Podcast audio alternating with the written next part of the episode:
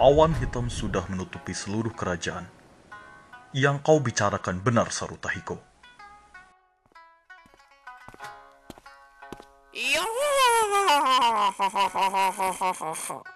Yang telah ditulis leluhur tidak akan pernah salah. Hari ini adalah waktunya. Kita harus bergegas untuk menghentikan kekacauan ini.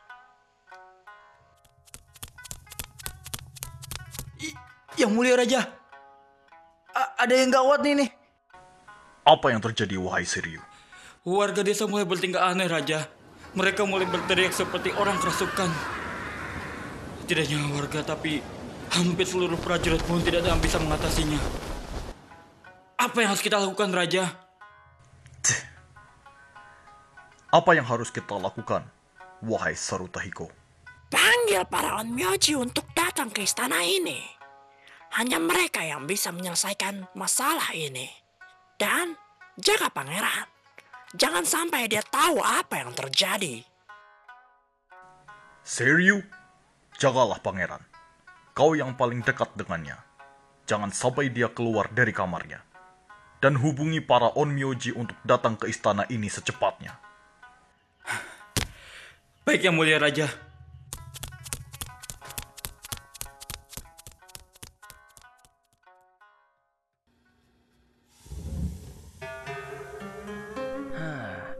Apa sih? Di luar istana ini seperti ada keributan. Kenapa semua jendela ditutup ya?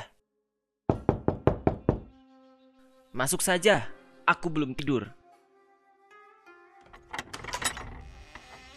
Ehm, pangeran. Apa kau baik-baik saja?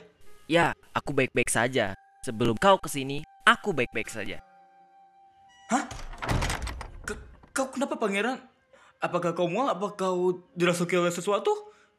Tidak, serius bodoh. Aku hanya ingin tidur. Tapi aku bingung dan susah sekali untuk tidur. Di luar bisik sekali. Apa ayah sedang ingin berperang? Kau bisa saja, pangeran. Tidak, raja hanya sedang buang air, jadi memang agak berisik. Dan memang suaranya agak mengganggu sih. Kau mengejek ayahku ya, Serio? Kau tahu apa yang kau katakan barusan? Bisa aku adukan ke ayahku. Aku tidak tahu apa yang akan terjadi selanjutnya. Eh, jangan dong, pangeran. Aku belum ingin mati. Itu tadi eh, kata-kata dari Ratu Pangeran. Eh, Aku hanya mendirinya saja. Eh, Tolong jangan bunuh aku. Ya sudah, cepat carikan aku pencerita untuk membantuku tidur. Aku sudah tidak kuat menahan kelopak mataku. Siap, Tuan. Saya sudah meramalkan Tuan akan membutuhkan pencerita untuk membantumu tidur lagi. Seharusnya sih sebentar lagi dia sudah akan datang, Tuan. Wah, kau sudah menyiapkannya ya. Setelah kau keluar dari sini, kau ingin menjadi apa? Ya, bukan seperti itu, Tuan. Selamat malam, wahai pangeran. Kau pasti si pencerita itu ya. Benar, wahai pangeran. Nama saya Suzaku. Saya adalah seorang... On Myoji, aku sudah tahu. Ya sudah, cepat duduk di bangku itu dan berikan aku sebuah cerita yang bisa membuatku tidur lelap. Karena di luar sangat bising. Baiklah, wahai pangeran. Saya akan membawakan cerita ringan yang akan membantu Anda untuk tertidur. Ini adalah sebuah kisah dari suatu daerah yang sangat terkenal di kerajaan sebelah. Namanya cerita dari Topeng Hanya.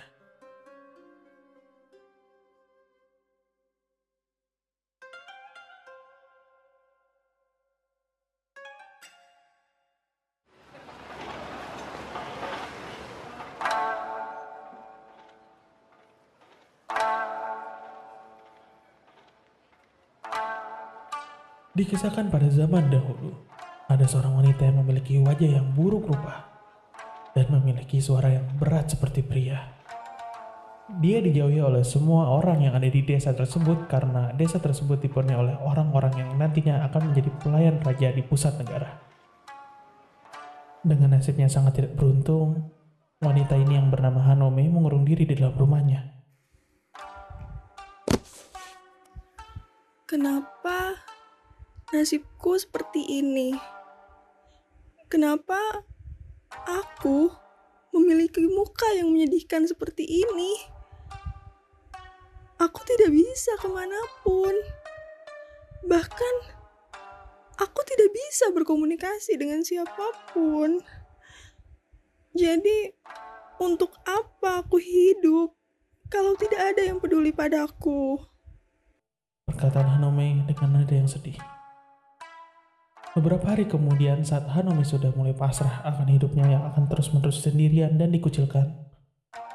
Seorang lelaki seumurannya mengetuk pintu rumahnya, membawakan makanan untuk dirinya.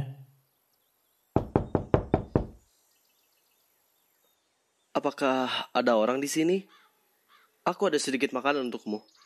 Kulihat rumah di sini diisi seseorang. Apakah kau masih ada di sini? Teriak lelaki tersebut yang bernama Tonoyasu. Hanome yang mendengarnya langsung menghampiri lokasi suara dan terdiam di depan pintu. Hanome mengintip di lubang yang ada di tengah pintu untuk melihat siapa dia. Eh, siapa? Ini aku Tonoyasu. Aku yang tinggal di seberang rumahmu. Apa kau bisa keluar sebentar? Tanya Tonoyasu. Lalu Hanome pun menjawab. Tidak bisa. Taruh saja di depan pintu dan cepat pergi. Dengan nada yang pelan, Tonoyasu memaksa Hanumi untuk membuka pintunya. Aku tak akan pergi sebelum kau membuka pintu. Ini tak bisa kutaruh sembarangan di depan pintu. Kau harus keluar dan mengambilnya. Mendengar itu Hanumi heran. Kau tidak akan suka melihat wajahku. Apakah dunia akan kiamat jika kau melihat wajahmu? Tidak kan? Maka dari itu, keluarlah dan terima ini. Tanggapan Tonoyasu pun diterima oleh Hanome. Akhirnya dia pun keluar dengan keadaan menunduk. Hmm? Untuk apa kau menunduk seperti itu? Apakah dengan wajah dan tubuh yang hitam seperti itu berarti aku tidak mau denganmu? Tanya Tonoyasu. Dengan nada pelan pun, Hanome menjawab, Aku tidak ingin. Tidak ingin kau merasa jijik dengan melihat mukaku. Aku tanya sekali lagi, apakah dunia akan kiamat jika aku melihat wajahmu? Tanya Tonoyasu. Em, mungkin.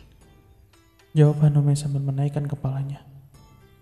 Tonoyasu terdiam melihatnya, dan dia pun melihat keadaan sekitar. Hmm, sepertinya dunia tidak akan kiamat. Aku pun tidak merasa jijik padamu. Mengapa kau malu dengan wajahmu? Pertanyaan tersebut membuat seorang wanita yang mempunyai wajah itu kaget dan langsung merasa seperti hidup kembali. Sambil menanyakan beberapa pertanyaan langsung ke Tonoyasu. Apa kau tidak takut melihatku? Tidak. Dan apa kau tidak jijik melihatku? Hmm, tidak. Hanome terdiam. Lalu dia mengambil barang pemberian dari Tonoyasu dan langsung masuk ke dalam rumahnya tanpa memberi ucapan terima kasih terhadap Tonoyasu. Oke, baiklah. Sampai ketemu lagi. Oh, oh, aku lupa menanyakan namanya. Tonoyasu heran dan langsung meninggalkan tempat itu.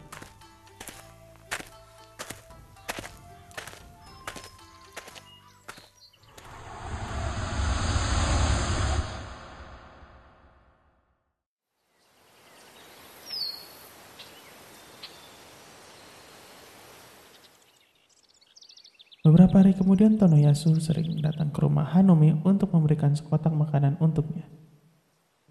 Menurutnya, Hanumi adalah orang yang tidak pernah keluar dan selalu mengurung diri di dalam rumahnya. Sampai suatu ketika, Tonoyasu pun mengajak Hanumi untuk keluar bersama di malam festival kembang api.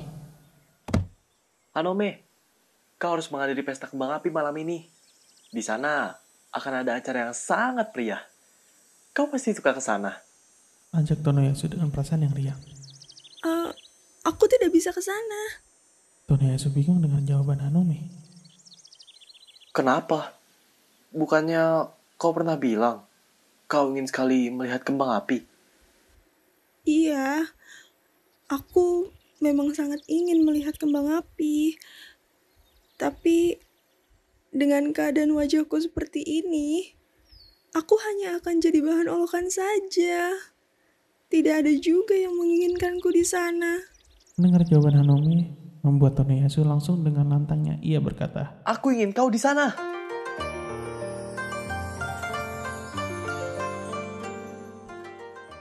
Kata-kata itu menusuk hati Hanome. Wajahnya memerah. Pertama kalinya ada seorang pria yang menginginkan kehadiran Hanome. Hanome pun terdiam. Lalu ia melihat awan yang saat itu sedang cerahnya ada di depan rumah Hanome. Lalu dia pun menganggukkan kepalanya dan berkata, Eh, baiklah, jika kau yang minta, aku akan ada di sana. Mendengar hal itu, Tonoyasu bergembira dan langsung menentukan tempat di mana mereka akan bertemu. Baiklah, kalau begitu. Aku akan menunggumu di dekat Taman Bunga Sakura di pusat desa malam nanti. Oke, aku akan ada di sana. Jawab Hanome yang membuat Tonoyasu semakin senang.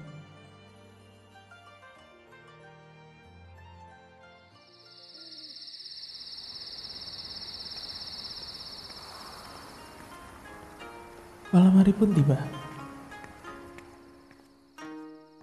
Hanome dengan penampilan memakai kimono berwarna merah dan bercorak bunga berjalan menuju taman bunga sakura. Saat itu, Sakura sedang mekar-mekarnya. Dihiasi bulan purnama yang indah. Hanome duduk di atas bangku kayu menunggu Tonoyasu. Dengan wajahnya yang gembira dan tidak sabar ingin mendengar pujian dari Tonoyasu tentang penampilannya malam itu.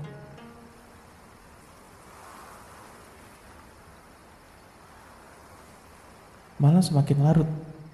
Sebentar lagi kembang api akan menghiasi indahnya malam itu. Tapi Hanome masih saja menunggu Tonoyasu. Hanome berpikir, apakah Tonoyasu lupa dengan janjinya pada malam ini? Tapi dia alihkan pikirannya karena menurutnya Tonoyasu bukanlah orang yang seperti itu. Hari sudah mulai gelap. Rembulan semakin terang sinarnya. Tapi kenapa dia tidak kunjung hadir ya? Apakah dia lupa akan janjinya? Atau aku yang terlalu berharap akan kehadirannya? Ini kali pertama aku menunggu seseorang. Akankah berakhir indah? Atau hanya seperti bunga sakura yang jatuh ke tanah, lalu terinjak dan akhirnya layu? Gumam Hanome. Kembang api mulai menghiasi malam. Hanome dengan matanya yang berlinang air mata, kecewa terhadap Tonoyasu. Pertama kali dia jatuh cinta terhadap seseorang. Pertama kali dia diberikan janji. Pertama kali dia dipuji. Dan untuk pertama kalinya, ia juga dikecewai. Akhirnya Hanome pun memutuskan untuk pulang. Seraya dengan tangis, ia berkata,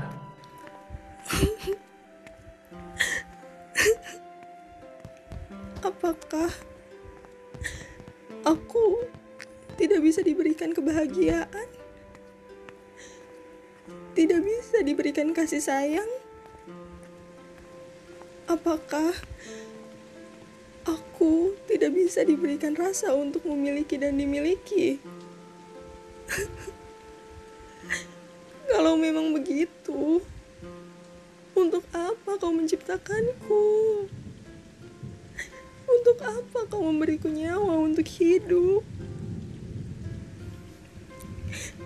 Dan untuk apa kau menghadirkannya memberiku harapan di awal? Namun, pada akhirnya menjatuhkanku dengan keras.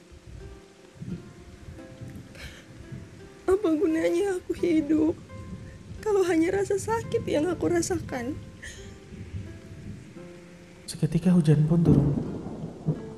Bersama dengan layunya Sakura, Hanomi berjalan dengan kesedihannya. Hanya air mata dan putus asa yang saat ini menggerogoti tubuhnya. Kemudian, pria berpayung yang menjual topeng pun menegurnya. Jarang sekali aku melihat bunga sakura yang berjatuhan selaras dengan air mata manusia. Hanomi terdiam. dan melihat orang tersebut.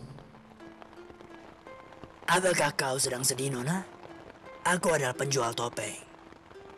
Banyak yang sudah menjual jiwanya kepada aku untuk topeng-topeng ini. Topeng-topeng ini adalah cerminan mereka yang putus asa akan hidupnya. Dan setelah mereka menjual jiwanya, mereka akan terlihat bahagia. Tidak ada rasa sakit yang mereka rasakan lagi. Hanya ada rasa senang dan rasa gembira seperti bentuk wajah di topeng-topeng ini.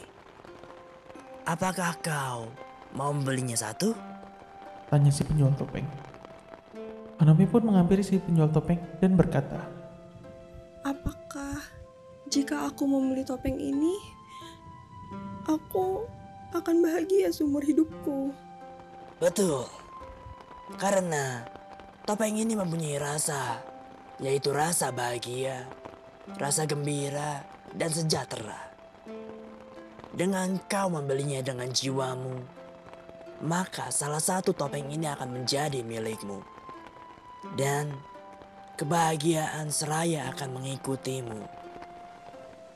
Jawaban dari si penjual topeng membuat Hanami yang sedang putus asa itu menyetujuinya. Em, baiklah, aku akan membeli topeng itu dengan jiwaku. Asalkan aku dapat bahagia, aku akan mengorbankan apa pun. Proses pembelian dimulai. Angin kencang menghampiri tempat itu. Hujan pun tiba-tiba berhenti. Seakan waktu berhenti. Si penjual topeng berjalan mendekati Hanome dan memegang wajah Hanome. Teksturnya bagus. Sayang, hanya warnanya saja yang kurang bagus. Tapi ini akan menjadi aset yang berharga. Setelah berkata, dia pun mencoba muka Hanome dan menggantinya dengan topeng yang dia jual. Proses pembelian selesai. Waktu kembali berjalan, Apa yang terjadi padaku? tanya Hanome. Coba kau lihat di cermin ini dan berkacalah. Hanome terkejut dengan mukanya yang bersih, cantik, dan bersinar, layaknya bidadari. Dia pun tersenyum dengan anggun.